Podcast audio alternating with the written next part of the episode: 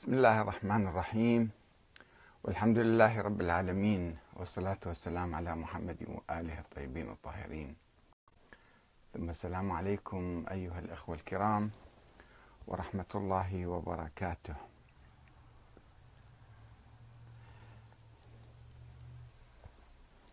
ماذا بعد النصر على داعش؟ هل زال خطر داعش نهائيا؟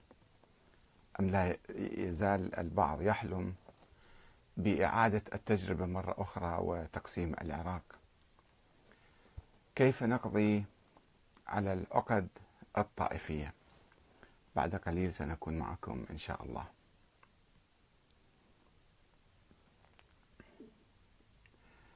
ماذا بعد النصر على داعش؟ كيف نشكل جبهة وطنية واحدة. وكيف نقضي على العقد الطائفية؟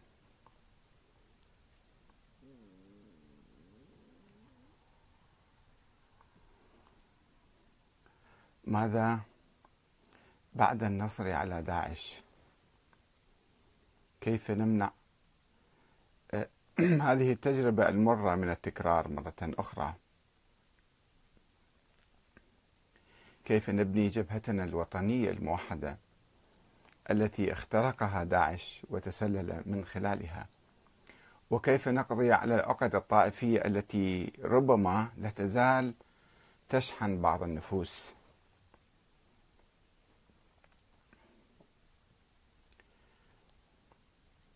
أرجو من الأخوة الكرام المشاركة في الحوار هذا والتفضل بالتعليق والإجابة عن الأسئلة المطروحة والتي قد نطرحها أثناء البحث.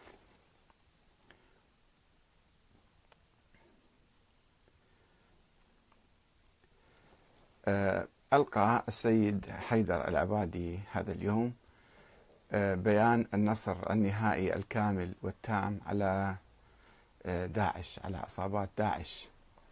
وورد في خطابه ما يلي خاطب العراقيين بما يلي. قال أيها العراقيون إن الوحدة هي سلاحنا الذي انتصرنا به ويجب أن نتمسك بهذه الوحدة ونعززها بكل ما نستطيع. والعراق اليوم لجميع العراقيين وثرواته ملك للجميع في جنوبه وشماله وشرقه وغربه. ولا بد أن يقطف جميع ثمار النصر أمنا واستقرارا وإعمارا وازدهارا. ودعا السياسيين لتحمل مسؤولياتهم في حفظ الأمن والاستقرار ومنع عودة الإرهاب مجددا.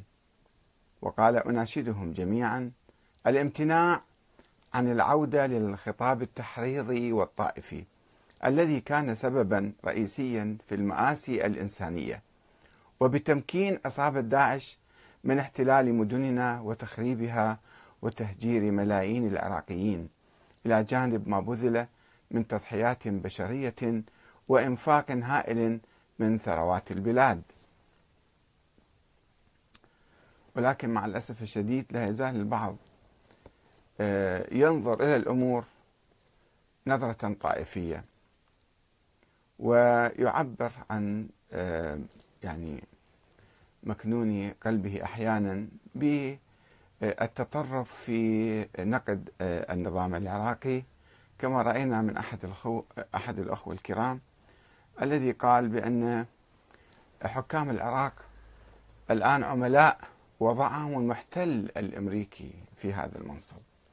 يعني لم ينظر هذا الأخ العزيز إلى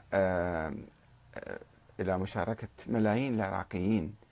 في كتابة الدستور وفي التصويت عليه وفي انتخاب الحكومات المتتالية التي جاءت بهؤلاء سواء في رئاسة الجمهورية أو رئاسة الوزراء أو في رئاسة مجلس النواب أو في تشكيلات الحكومة المختلفة. ولا يزال ينظر البعض إلى أن الحكم أصبح شيعيا وأن السنة قد فقدوا السلطة. ولذلك يبقى في نفس البعض يعني شيء يحاول أن يعبر عنه بالامتعاض وباتهام الحكومة وإطلاق الأوصاف اللا دقيقة عليها من أجل أن يسقطها أن هذه حكومة عميلة. خلاص ما دام هذه حكومة شيعية لو كانت يمكن الحكومة غير شكل أو رئيس وزراء لا يحمل هذه الهوية وبالعلم لا يوجد في الهوية العراقية ذكر للطائفة آه، والآن حتى في الهويات الحديثة حتى اسم الدين شالوه. لا يوجد آه، أنه هذا مسلم أو مسيحي أو يهودي.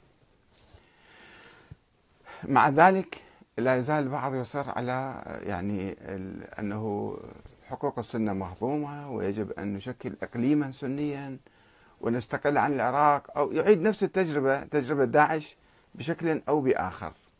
وفي الحقيقة رغم تهافت هذا الكلام إلا نود أن يعني نتنزل إلى هذا المستوى من البحث ونحاول أن آه، نفكر قليلا أو نبحث عن آه، حلول آه، أخرى ونأمل أن نمتن جبهتنا الداخلية ونزيل ما هو باق.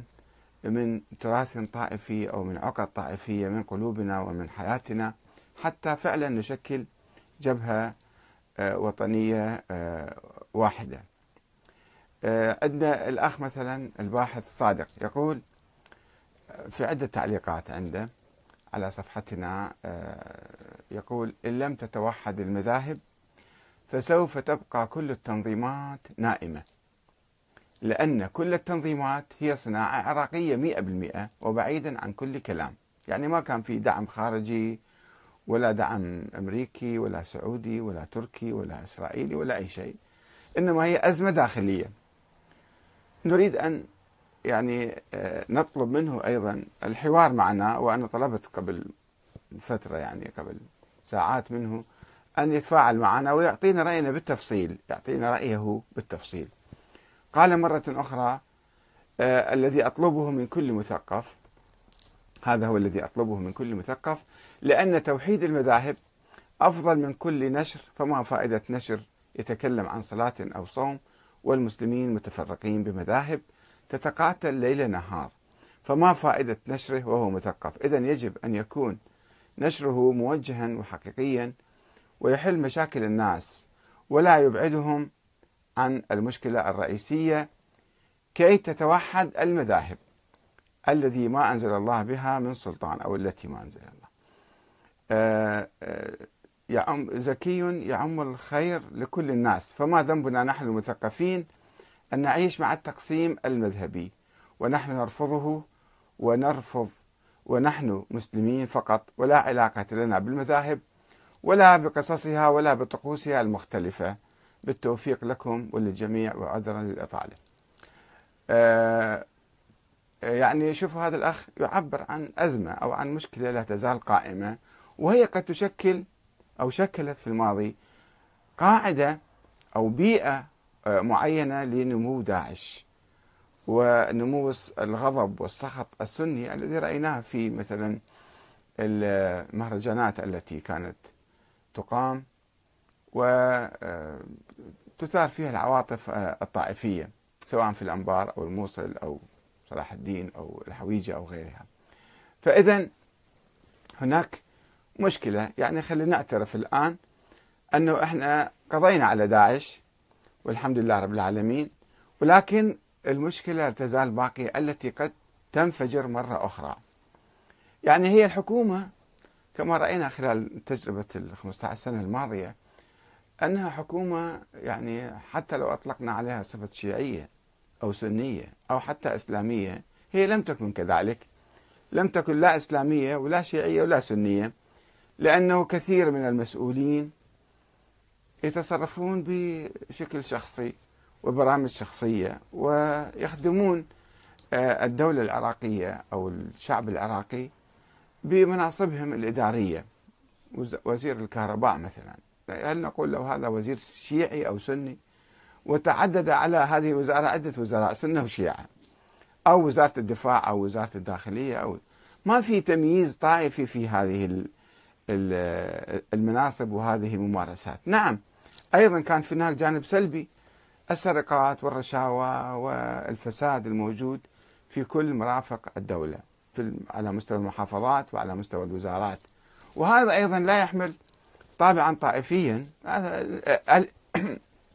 الإنسان فاسد المسؤول فاسد بمختلف المستويات مستويات عليا من الوزارة من تنزلوا إلى المحافظين إلى المدراء إلى المسؤولين الآخرين.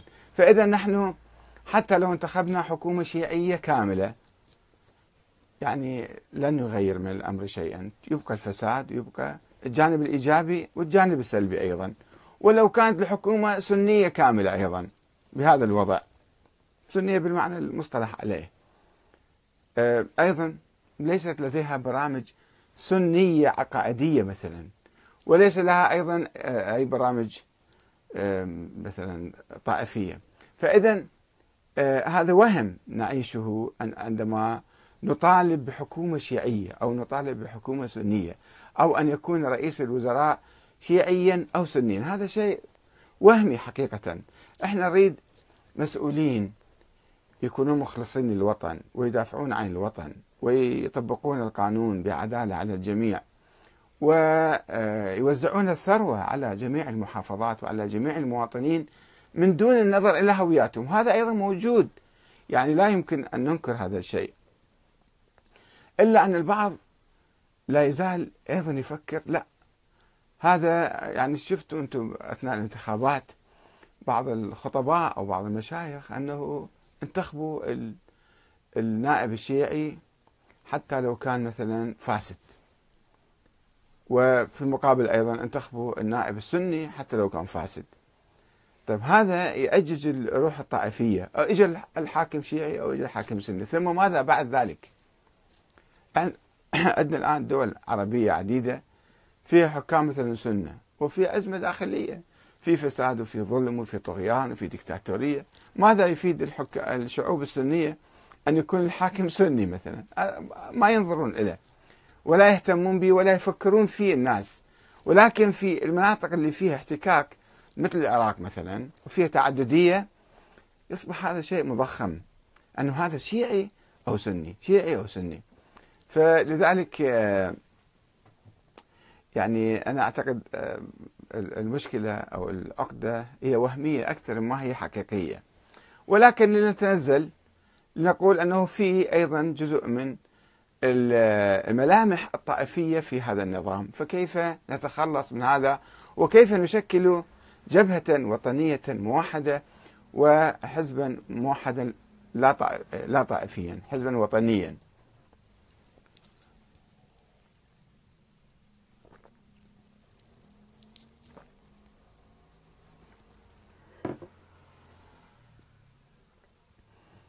آه الأخ سلام الياسري قال أن هذه الأسئلة يراد لها كتاب مو تعليق واحد. أسئلة كثيرة وعديدة وكنا آه، ننتظر آه، الإجابة منه ومن بقية الأخوة على هذه الأسئلة. أنا أعيد أساس الموضوع فأقول ماذا بعد النصر على داعش؟ هل زال خطر داعش نهائيا؟ أم لا يزال البعض يحلم بالسيطرة على العراق؟ واستعادة النظام السني كما يفكرون. كيف يمكن أن نبني جبهة وطنية واحدة ونتخلص نهائيا من الطائفية والتفرقة؟ هل ثمة مشكلة في الدستور؟ دستور مثلا طائفي نعدل الدستور إذا كان في آه، فقرات آه، مثلا طائفية. أو يفضل طائفة على طائفة لا أعتقد أن الدستور يميز لأنه لم يشر إلى المسألة الطائفية. وكيف يمكن إرضاء الأخوة السنة الغاضبين أو الناقمين أو اللي ما مرتاحين أو اللي يشعرون أنه هذا الحاكم هكذا ينظرون إلى العبادي والمالكي من قبل وجعفر إن هؤلاء حكام شيعة. لأنهم جاءوا من بيئات شيعية مثلا أو من مدن شيعية فهذا حاكم شيعي خلاص. آه، وهذه مشكلة كانت قديما موجودة أيضا. عبد الكريم قاسم مثلا رئيس الوزراء اللي قام بثورة 14 آه، آه، تموز. أمه شيعية وأبوه سني وهو كان أيضا غير متدين ربما أو لا طائفي حقا حقيقة ما كان طائفي. مع ذلك البعض ظل ينظر إلى أنه هذا شيعي أمه شيعية فإذا هو شيعي. واتخذ منه موقفا سلبيا وحاربه وأسقطه بهذا الدوافع أو استخدم هذه النقاط من أجل الصراع السياسي بينه وبين عبد الكريم قاسم حتى يقضي عليه وهو يأخذ الحكم. وبعدين أصبح هو مثلا عبد السلام عارف أنه هو يعني ممثل السنة أو يعني هكذا يعني أوحى إلى بعض الفئات. طيب إذا الآن في معادلة يعني كان في نقاش في بداية تأسيس العراق الديمقراطي الحديث أنه الشيعة أكثر السنة أكثر. سؤال سخيف طبعا هو ولكن هذا كان مطروح. وبالتالي الانتخابات التي جرت أسفرت عن آه، فوز تحالف وطني تحالف آه، سياسي عراقي مثل الأكثرية وبالتالي هو استحق أن آه، يأخذ المناصب السيادية في العراق المنصب رئاسة الوزراء. أنه إحنا هذه القائمة هي تشكل الغالبية وهي تعبر عن غالبية بين قوسين شيعية جماهير شيعية. رغم أن أكرر مرة أخرى أنا لست طائفيا ولا أؤمن بالطائفية ولا أؤمن لا بالشيعة ولا بالسنة. وأعتقد أن هذه مخلفات حروب قديمة حروب سياسية أو معارك سياسية قديمة والآن منتهية ومنقرضة وبائدة وما لها وجود حقيقي إنما لها وجودات وهمية. أه ولكن أطرح هذا السؤال هو موجود في الساحة. الناس هكذا يعتقدون أو هكذا ينظرون إلى أنفسهم أو إلى الآخرين. فيقولون أن هذا الحكومة بالتالي شيعية وإحنا نريد حاكم سني كما كان الشيعة سابقا في العهود الماضية أنا أتذكر وأنا صغير أنه كان الهتاف عند بعض في بعض المناسبات ماكو ولي علي ونريد قائد جعفري. دائما كانوا يهتفون الشيعة نريد إحنا قائد جعفري. جاهم جعفري وجاهم مالكي بعدين. وما بعدين يجي حنبلي وشافعي آه، المهم الشعور الموجود كيف نتعامل معه؟ الثقافة الموجودة أو بعض السلبيات الموجودة بالساحة. كيف نتعامل معها وكيف نصفيها وكيف نقضي عليها وكيف نخلي الناس كلهم يشعرون أنه أنهم عراقيون؟ وهذا العراق لهم وأي حاكم يأتي من أي مذهب من أي دين هو عراقي. هذا هذه الروح الوطنية والثقافة الوطنية كيف نعززها وكيف نرسخها في نفوس الناس بحيث ما يشعرون بالامتعاض لو اجى واحد حاكم سني صار رئيس وزراء أو حاكم شيعي صار رئيس وزراء. لا ما في فرق. المهم سياسته وسلوكه وعمله ومواقفه تكون حسب الدستور وحسب القانون اللي متفقين عليه جميعا. ماذا يجب أن يفعل الشيعة حتى يرضوا إخوانهم السنة الممتعضين؟ أنا أعرف شريحة كبيرة من الأخوة السنة وخاصة بعد تحرير الموصل والأنبار وتكريت والحويجة وكذا يشعرون بالفخر وبالاندماج والشكر للجنود بين قوسين الشيعة اللي إجوا حرروهم مثلا. طبعا هم أيضا قاموا بعملية التحرير لم يكن الجنود الجنوبيين الجنوبيون فقط هم الذين شاركوا بعمليات التحرير وضحوا من أجلهم لا. يعني هم أبناء هذه المناطق أيضا شكلوا أفواج في الحشد الشعبي أو ألوية وساهموا في عملية التحرير وأيضا شكروا وأنا شفت مرة وفد من من الموصل يأتي إلى كربلاء والنجف ليزور مقابر الشهداء في النجف مقابر شهداء التحرير. عرفانا آه، بالجميل وشكر لهؤلاء الناس. فعلا هذا الشيء موجود ولكن تبقى شريحة من المجتمع شريحة من خلينا نسميه بصراحة نتكلم يعني من أهل السنة وأنا أشوف يعني مثل شفنا الأخ هذا آه، العلواني كيف يعني بعض العبادي الأمريكا جابته عميل وكذا. يعني هذا السبب يعبر عن عدم ارتياح وفي شيء بعض بالنفوس بعد ورجل مثقف و فإذا إحنا نطرح هذا السؤال حتى آه، نفكر فيه ونجاوب عليه ونعمل من أجل آه، يعني إرضاء إخواننا وهم أهلنا وأحبائنا كلهم.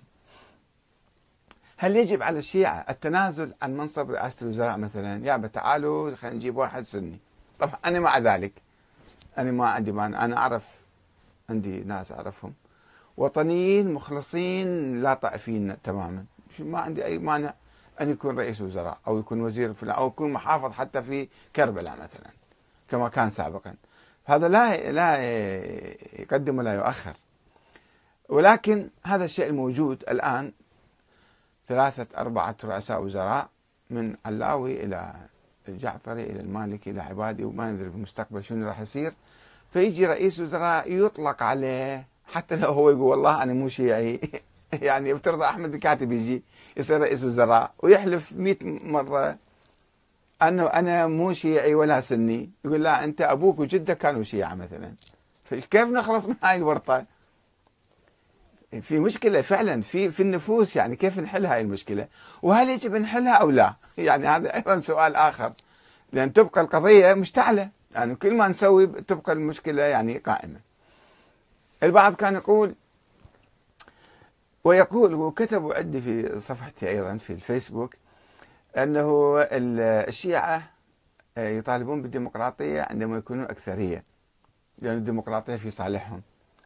ولا يطالبون بالديمقراطية عندما يكون أقلية طبعا هو حتى لو كان أقلية يطالب بالديمقراطية.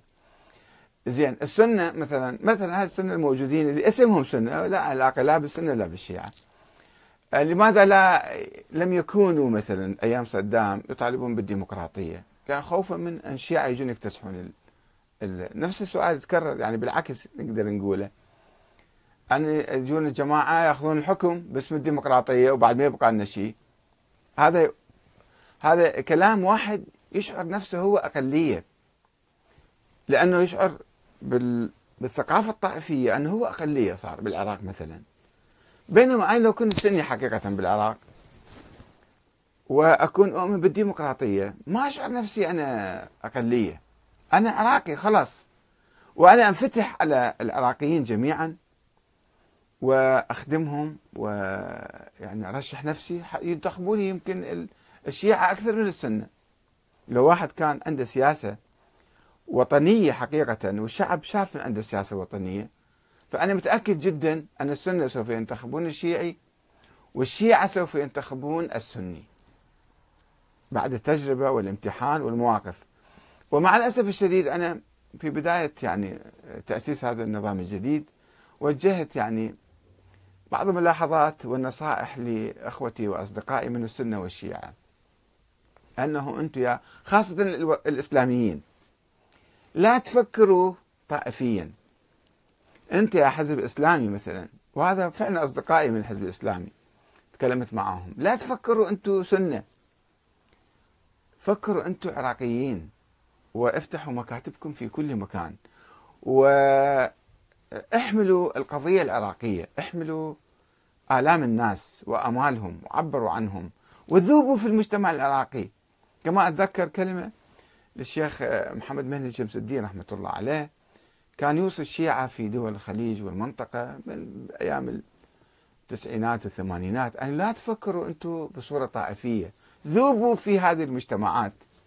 طبعا المشكلة ليست لم تكن في الشيعة بقدر ما كانت في الأنظمة العائلية المستبدة الحاكمة التي كانت تفكر طائفيا ولا تزال تفكر طائفيا وليست طائفيا فقط. تفكر في الحفاظ على السلطة حتى ضد أبنائها من السنة.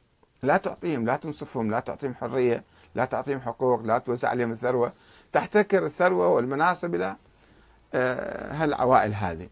فالدعوة للذوبان الشيعي في المحيط السني أو ذوبان السنة في المحيط الشيعي هذا إذا كان في نظام ديمقراطي بس إذا كان نظام ديكتاتوري طبعا ما راح تنجح هاي الدعوة وراح تتعزز الدعوات الطائفية تترسخ الدعوات الطائفية.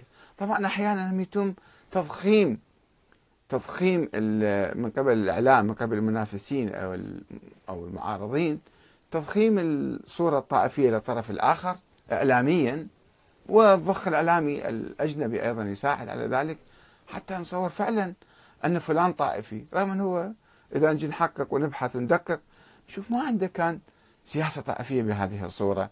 وإنما التضخيم الإعلامي. على أي حال فنسأل هل يجب على الشيعة التنازل عن منصب رئاسة الوزراء؟ قلت لكم أنا ما عندي مانع. ولكن عمليا إذا كان عملية ديمقراطية هذا الحزب فاز بالأكثرية فهو يستحق أن يتولى أي منصب. كما الآن في البلاد الديمقراطية في بريطانيا وغيرها. أي حزب؟ ما ينظرون إلى هويته؟ هذا كاثوليك ولا بروتستانت ولا ولا مثلا أرثوذكس ولا ما أدري شنو أو مسلم أو مسيحي ينظرون إلى هذا مرشح من الحزب. هذا برنامجه يفوز عليه. الآن رئيس بلدية لندن اللي هو يعادل يعني منصبه شوية أقل من منصب رئيس الوزراء. صادق خان مسلم ابوه أبواه مهاجران جايين من باكستان. وهو دخل في حزب العمال ورشح نفسه وفاز. عنده برنامج يخدم مدينة لندن. ما عنده على ما عنده يعني شعور آه، طائفي ولا ينظر إليه الناس. وفي وفي لندن من كل المذاهب والأديان في العالم موجودين في لندن. لا ينظرون إلى هذا الإنسان أنه هذا مسلم ولا سني ولا شيعي. البعض من المسلمين آه، أول شيء فرحة وبعدين قال أوه هذا يمكن شيعي صادق خان اسمه. فعلى ضوء اسمه اتخذ موقف سلبي من عنده. هذا غباء بالحقيقة. أنت انظر هذا الإنسان ليعمل جيد ليخدم الناس ولا لا؟ لا تنظر إلى هويته الطائفية أو هوية آبائه وأجداده الطائفية.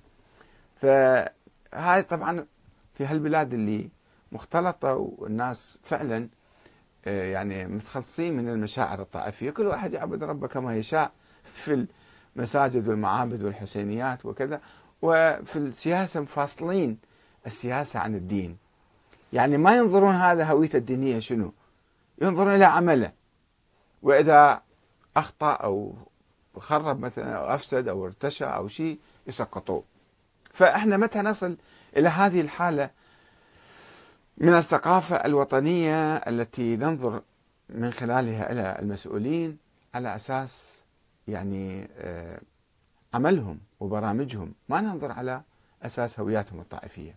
خلينا نسأل عندنا مجموعة أسئلة وأرجو من الأخوان أن يشاركوني مع معهم يعني يشاركون معنا في طرح الأجوبة والأسئلة. هل التشبث تشبث الشيعة بمنصب رئاسة الوزراء يؤجج الطائفية؟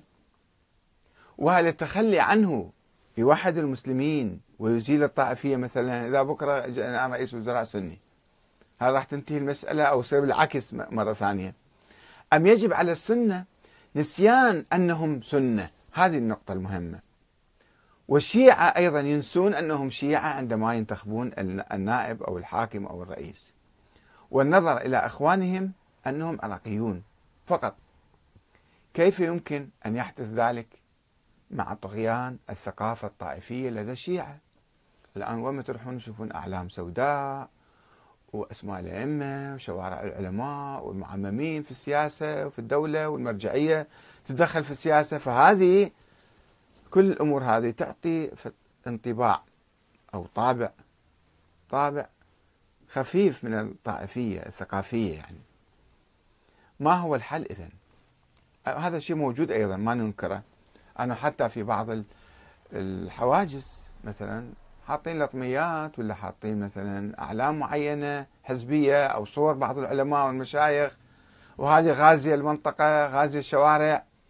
هذه ربما تثير بعض الناس أن واحد يجي يشوف نفسه أوه صاير غريب. وحتى بعض الدوائر أنا رحت إلى بعض الدوائر وزارات شفت في بغداد حاطين مثلا أعلام حسينية. حاطين ما أعلام طائفية يعني بالتالي. طيب هذا المواطن السني اللي يجي يشوف هذا العلم وهذا أشياء رمزية.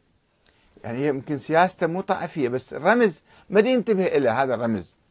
هو حاطه بشكل معين يعني بناء على مفهوم معين وهذا راح ينعكس على نفوس الآخرين. وبالتالي راح ينظرون إلى آه، يعني هذا. أو حسينية في فلان منطقة بناء حسينية في فلان منطقة أو وضع صورة فلان في آه، هالشارع. هذه أشياء قد تثير وقد تزرع يعني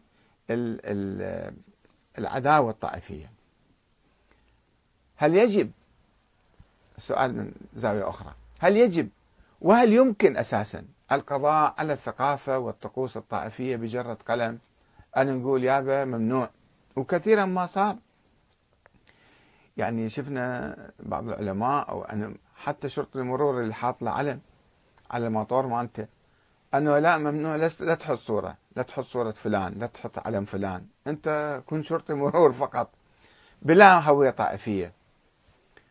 وما كانوا ينفذون. يعني تصدر تعليمات من المراجع من العلماء من الزعامات والقيادات السياسية وقادة الأحزاب ولكن التنفيذ ما ينفذون الناس فشو نسوي لهم إحنا؟ أم إن الأمر يحتاج إلى شوية نطول بالنا إلى صبر شوية إلى جيل أو جيلين حتى نتخلص من الروح الطائفية ونشكل ثقافة جديدة واحزابا جديدة وطنية لا طائفية. يعني فعلا مشكلة لازم نتعايش معاها حتى تنتهي لأنه هي في آه، ظرف مؤقت كرد فعل على جرائم صدام مثلا وتعبير عن مشاعر. نجي أيضا أسئلة أقوى من هذا الشيء، هل يعتبر السنة هل يعتبر السنة آه، تدخل المرجعية الشيعية وبعض رجال الدين الشيعة في السياسة إذكاء للمشاعر الطائفية. عندنا مثلا الشيخ همام حمودي بأمامته قاعد هو نائب آه، رئيس المجلس النيابي. وفي معممين آخرين. مستشارين الوزراء ومستشارين رئاسة الوزراء معممين من شكل معين. طيب خلي إحنا خلينا نحط نفسنا في الطرف الآخر. لو شفنا مثلا صدام حسين أو أي وزير آخر سني حط له شيوخ سنة بعمايمهم مميزة. وحواليه ويدخلون في السياسة. أنا من أجي أدخل البرلمان أشوف أوه هذا يعني راسا أنتبه إلى الهوية الطائفية. فهذا شيء يعني يولد شعور سلبي شئنا ام أبينا. مثل ما يولد شعور المعمم الشيعي في العمل السياسي شعور سلبي لدى السنة إنه والله يعني صار الحكم شيعي يعني. مهما نقول إحنا حكمنا مو طائفي فتبقى هالملامح هالصور هالأزياء توحي للناس بشكل بشيء معين وبالتالي تخلق مشكلة وتخلق توتر. المرجعية الدينية حتى اليوم سيد العبادي شكر المرجعية الدينية على فتواها. وفعلا يجب أن نشكر كل مو الشيعه يشكرون حتى السنة أيضا لابد يشكرون. المرجعية الشيعية والسيد علي السيستاني على هذه الفتوى التي أنقذت العراق ولكن لماذا أصدر السيد السيستاني هذه الفتوى؟ لو كان عندنا نظام قوي وقائد عسكري قوي وعنده يأمر بالتجنيد الإجباري وبالتعبئة العسكرية ويحشد الناس كلهم ويوديهم يدربهم ويوديهم المعركة ما كنا بحاجة إلى فتوى لماذا احتاجنا الفتوى؟ لأن نظامنا ضعيف بعده. وهل ستتكرر هاي الفتوى في المستقبل؟ ويجي المرجع وإحنا نشكره. صار نظام كأنه هذا هو الولي الفقيه عندنا. وقطاع من السنة يجب أن نعترف. قطاع من السنة يمكن ما ما يعجبهم هذا الشيء. وكما أنه حتى قطاع من الشيعة ما يعجبهم. ما يعجبهم يريدون دولة مدنية ما يريدون تدخل المرجعية أو علماء الدين في السياسة بهاي الأعمال. لا في مثلا الدعوة إلى الدستور لأنه الناس ما كانوا يفتهمون شو معنى الدستور. السيد علي سيستاني قال يجب أن يكون دستور. هو قائد موجود قائد زعيم حسبه زعيم سياسي. مو مرجع حسبه زعيم سياسي. هو أوصى ب آه، آه، آه، كتابة الدستور بأيدي العراقية. وخلي الناس يسوون استفتاء ويسوون يعني انتخابات وينتخبون مجلس تأسيسي. زين سووا المجلس التأسيسي. انتخابات البرلمانية. أيضا شكل قائمة هاي القائمة يدعموها وكثير من المشايخ والعلماء فتاوى بدعم هذه القائمة أو تلك. هذا صحيح هذا كان موجود. وهذا خلق شعور طائفي. عند الناس اللي يعني سمعوا هالكلام وعند الناس الآخرين صارت هذه القائمة تسمى قائمة شيعية. لأنه انتخبوها على أساس الفتوى مع المرجع أو المراجع المتعددين وكذلك السنة أيضا عندهم أحزاب وعندهم كذا هم انتخبوا قوائم صارت قائمة سنية وقائمة شيعية منفصلين. صارت ال ال اللون الطائفي تكرس بكثافة.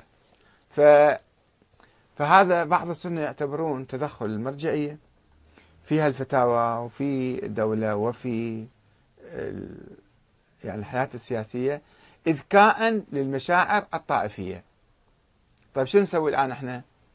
هل يقترحون فصل النظام السياسي عن المرجعية بشكل كامل؟ يمكن يقول لك واحد خلي المرجعية تتدخل ما علينا فيها خلي تهتم بالأمور العبادية والفقهية وكذا. في السياسة المرجعية ما لازم تتدخل أبدا. ولكن السؤال هل يمكن ذلك فعلا؟ في ناس أحزاب وشرائح بالمجتمع ورايحين وراء المرجعية. الآن شو نسوي إحنا؟ طبعا الحصيلة النتيجة هي نظام لا طائفي ولكن هذه المحركات وتدخلات اللي أحيانا تصير راح تضفي طابع طائفي على البلد وبالتالي يتهم هذا النظام شيعي. أي شيعي؟ هو ما نعرف أي شيعي. خمسين شكل شيعي أكو عندنا بالدنيا. سبعين فرقة كانوا في القرن الثالث الهجري. فشنو معنى الشيعي شنو معنى السني؟ وبعدنا إحنا محتارين. مو إحنا محتارين. من قبل ألف سنة آه، علماء الكلام احتاروا كيف يميزون بين الشيعي والسني. على أساس شنو؟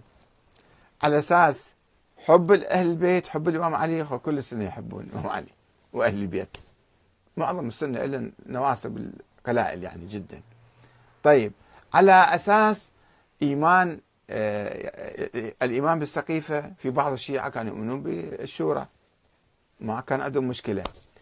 الشيعة من هم الشيعة. الشيعة اللي مثلا ثاروا على عثمان الشيعة اللي مثلا راحوا إلى آه، مع الإمام حسين في كربلاء اللي يحبون معاوية أو يكرهون معاوية صار شيعي أو مو شيعي. فهي تسميات قديما.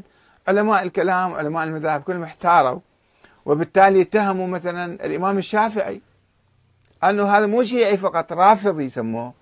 لماذا؟ لأنه يحب أهل البيت أو يفضل عليا على عثمان مثلا أو على معاوية. صار هذا رافضي. فهي تسميات مطاطة. ويعني حتى لو أجانا بكرة أجانا واحد سني من من تكريت من الموصل وهو يحب أهل البيت وموالي وصوفي مثلا وكذا. ويروح يزور الإمام الحسين وهذا صار شيعي. تشيع هذا الأخ. مشكلة كيف نخلص من عندها هذه مو مشكلة بالعقول حقيقة. أه وبالمناسبة هل كان عبد الكريم قاسم شيعيا أو سنيا أم وطنيا؟ فلماذا اتهمه البعض بالطائفية؟ لأن أمه كانت شيعية. ولماذا اتخذ البعثيون وأدعياء الوطنية موقفا سلبيا منه؟ عندهم صراع سياسي معه. استغلوا هاي النقطة. ألا يدل ذلك على افتعال بعض السياسيين للأزمات الطائفية وإثارة المشاعر الطائفية وتضخيمها عندما يخسرون المعركة وأن الحل يكمن بالنظر إلى برنامج عمل المسؤولين وليس إلى هويات آبائهم وأجدادهم الطائفية. فإلى متى نبقى في هذا الوحل الطائفي؟ وكيف نخرج منه؟ الآن أحاول أن أشوف إذا كان في تعليقات من الأخوة آه، تفيدنا في هذا الموضوع.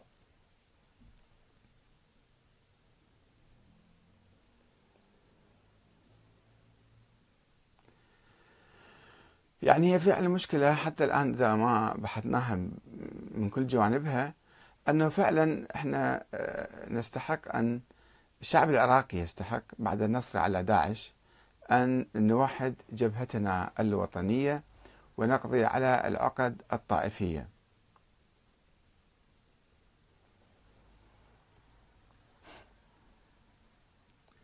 آه نعم. إذا آه نكتفي آه بهذا القدر. الأخ الباحث صادق يجيبنا يقول كيف نبني عراقنا؟ وجوابي هو بتوحيد المذاهب بتسمية واحدة موحدة وهي المسلم فقط. وبعيدا عن تسميات السنة والشيعة وعن تجربة شخصية ناجحة هو يقول كي يعم الخير لكل الناس. للعلم أنا أقصد التسمية فقط لأنها مهمة جدا. ومن له حل أفضل فليكتبه لأنني لا أقبل الانتقاد لغرض الانتقاد فقط لأنني مللت من الانتقاد الهدام. ومن له انتقاد بناء فليرد أو فليرد ولكن بشرط أن يعرف ما هو الانتقاد البناء كي ينتقد ونبني الحل سوية. إن كان لديه حل وأكيد ليس له حل لأنه سينتقد فقط وهو واقع آه، بالتوفيق للجميع. في الحقيقة يعني أنا أعتقد هذا الشيء شوي مثالي هذا الحل. إحنا كلنا مسلمين الحمد لله والإسلام واحد لدى الجميع. ماكو شيعة عندهم إسلام والسنة عندهم إسلام. في بعض المتطرفين من هنا وهناك الغلاة عندهم خرافات أساطير هذه حطوها على على الصفحة بس الشيعة عموما يؤمنون بالله تعالى يؤمنون بالآخرة يؤمنون بالنبي والأنبياء يصلون يصومون يحجون يزكون. يلتزمون بالأخلاق العامة. نفس الشيء السنة يسووه. ما في فرق حقيقي يعني وجوهري وكبير بين السنة والشيعة. الخلاف الأساسي اللي كان بالتاريخ وأعطى التسميات وكرسها هو الخلاف الدستوري السياسي. يعني الخلافة لمن؟ الخلافة كيف تأتي بالشورى أم بالنص انتخاب بهالعائلة أو تلك العائلة؟ هذه كلها خلافات كانت قبل 1400 سنة. 1000 و... ألف سنة مثلا إلى ألف سنة. وراحت كلها. الآن إحنا هذا الخلاف الجوهري كما كانوا يقولون آه، السيوف ما أكثر السيوف التي سلت حول الإمامة. الإمامة يعني الحكم والدستور ونظام الحكم. يقصدون فيه. فالآن الجميع متحدين على نظام سياسي واحد نظام ديمقراطي هذا النظام الدستوري. فإذا آه، لا معنى للخلاف السني الشيعي. إحنا بقينا مسلمين كل واحد بعقيدته وإحنا في الناحية السياسية بدل السنة والشيعة نقول إحنا مسلمين ديمقراطيين. نحن مسلمون ديمقراطيون. ولكن يجب أن نطبق الديمقراطية بدقة في في أنفسنا في تعاملنا في سلوكنا وفي نظرتنا للآخرين. من زاوية ديمقراطية أي واحد أعطيه حق أن يفوز بالانتخابات. وأنا أيضا أرشح ومن حقي أن أفوز بالانتخابات. وإذا أي واحد فاز أنا أحترمه وأقدره وأعطيه السلطة له فما أنظر هاي السلطة راحت من عندي وأنا سني وهذاك شيعي وهذا شيعي وذاك سني. هذه موجودة في الأذهان. إذا تخلصنا من عندها هالعقد هاي الطائفية الموجودة بالنفوس؟ إذا تخلصنا من عندها راح إحنا آه نعيش بسلام. ما ننظر ما نتعامل. بنروح لأي دائرة. تروح لأي دائرة شوف الدائرة كيف تعاملك سواء كنت سني ولا شيعي. يمكن الموظف المعين يبتزك أو يريد رشوة أو يريد مثلا يأذيك. هذا مو شيعي أو السنة يأذيك هذا هذا الموظف. نلقي اللوم عليه. لا نقول أوه والله هذول الشيعة هالشكل أو هذول السنة هالشكل وما أكثر معاناة الشيعة المواطنين الشيعة في بلادهم في مدنهم في مناطقهم وكذلك مناطق السنة. فخلي إحنا نتخلص من هالعقد. ومن وبالذات أنا أوجه كلامي للأخوة السنة في العراق بأنه لا يفكر هم أقلية. هم ليسوا أقلية.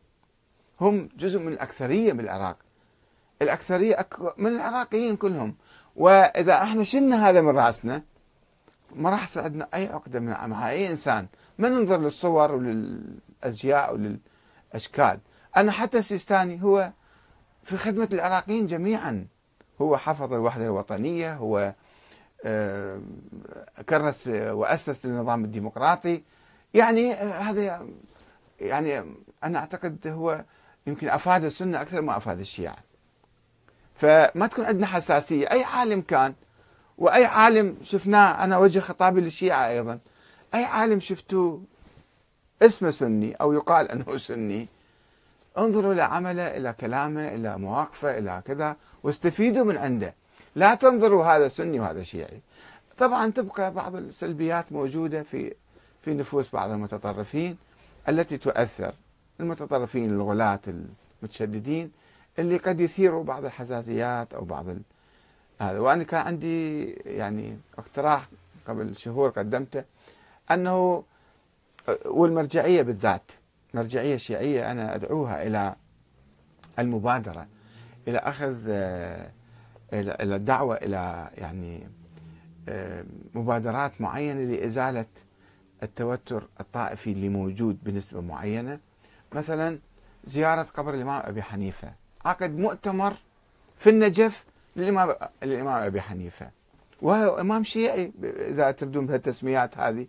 ومتهم وقتل في السجن من أجل الدفاع عن ثورة شيعية أو عن أئمة شيعة.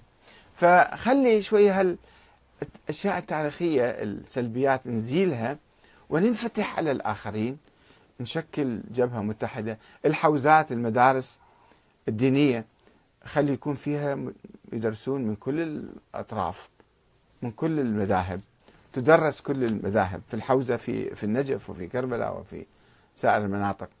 تدرس المذاهب كلها ومدرسين والطلبة يكونوا مشتركين. ما تكون الحوزة بالنجف مقتصرة على الشيعة فقط. لا خلي الناس خلي فيها لازم طبعا نحدث نظام التعليم مثل الجامعات. جامعات الآن في بغداد جامعة المستنصرية أو جامعة بغداد أو جامعة الموصل منفتحة في آه، دروس على كل الطلاب. كذلك الدراسات الدينية ما يجوز تبقى منحصرة على منغلقة على الطوائف. معاهد خاصة للسنة ومعاهد وحوزات خاصة للشيعة. هذا أيضا يعني ينمي المشاعر الطائفية. ويجونا بعض الخطباء المساكين اللي ما دارسين جيد ويكررون الخرافات والأساطير والأشياء المضحكة. أو الاستفزازيه أحيانا أشياء خاطئة يقولوها فيثيرون توتر. قبر في الحلة ما أدري وين موجود. آه، ابو بكر الإمام علي كان عنده آه، أبناء مسميهم أبو بكر وعمر وعثمان استشهدوا في كربلاء. أخوة العباس. اسم اسمائهم أبو بكر وعمر وعثمان. فبعض الطائفيين عندهم هذا القبر شايلين اسم أبو بكر حاطين بكر بكر ابن علي. الامام علي ما كان عنده ولد اسمه بكر أبو بكر. راجعوا التاريخ وشوفوا. فهل أشياء الطائفية أسماء الشوارع طبعا هاي حلم بعيد شوي هنا ولكن لابد أن يتحقق حتى نزيد هالمشاعر. في كربلاء في النجف شارع عمر بن الخطاب شارع أبو بكر. شكو بيها يعني؟ مثل ما حاطين شارع الامام علي وشارع الامام الصادق وشارع الإمام كذا في مدن أخرى. خلي تكون هالأسماء ننفتح عليها. يعني هالعقد الطائفية اللي قاعدين ناس عندهم مصورين بعد المواقف السلبية التاريخية اللي عنده. وطبعا هذا يحتاج إعادة فرمته كما يقولون بلغه الحواسيب والكمبيوترات للثقافة آه، التاريخية الطائفية. أنه من يقول لك عمر مثلا اعتدى على الزهراء وقتلها وسقط جنينها هالاساطير اللي رائجة الخطباء يروجوها ويزيدون الشحن الطائفي. فإحنا يجب أن نعيد النظر في ثقافتنا الطائفية وننفتح في الجامعات في المعاهد في الحوزات على كل الناس وندرس كل الكتب وكل النظريات وخلي الناس يتحاورون ويتناقشون. وحتى القنوات الفضائية الآن أيضا يجب أن تنفتح على مو كل واحد وجماعته لا خلينا تنفتح على الوطن على كل الثقافات الموجودة وأيضا الأحزاب وهنا أهم شيء. الأحزاب أن تكون أحزاب وطنية يعني منفتحة وتفتح ذراعيها لاستقبال كل المواطنين. عندنا برنامج وهذه آه هذا برنامجنا. فأي واحد يدخل في كل مدينة ثم تشكل مثلا انتخابات ومؤتمر آه عام في الحزب يصير وينتخبون المسؤولين وينتخبون السياسات اللي يتبعوها أو يجب أن يتبعوها. فهكذا ندخل في عملية سياسية وطنية ديمقراطية. نذوب الرواسب الطائفية أنا أسميها رواسب رواسب ومخلفات طائفية من حروب قديمة قبل أكثر من ألف سنة. هي لا تزال تشكل بعض الهويات المزيفة وبعض الحساسيات والعقد النفسية في نفوس هذا الطرف أو ذاك. وهكذا إن شاء الله نأمل أن نتخلص من آه هذه الأزمة الطائفية ونوحد جبهتنا الداخلية ولا نسمح مرة أخرى لأي داعش أن يظهر من جديد ولأي شبيه بداعش. والسلام عليكم ورحمة الله وبركاته.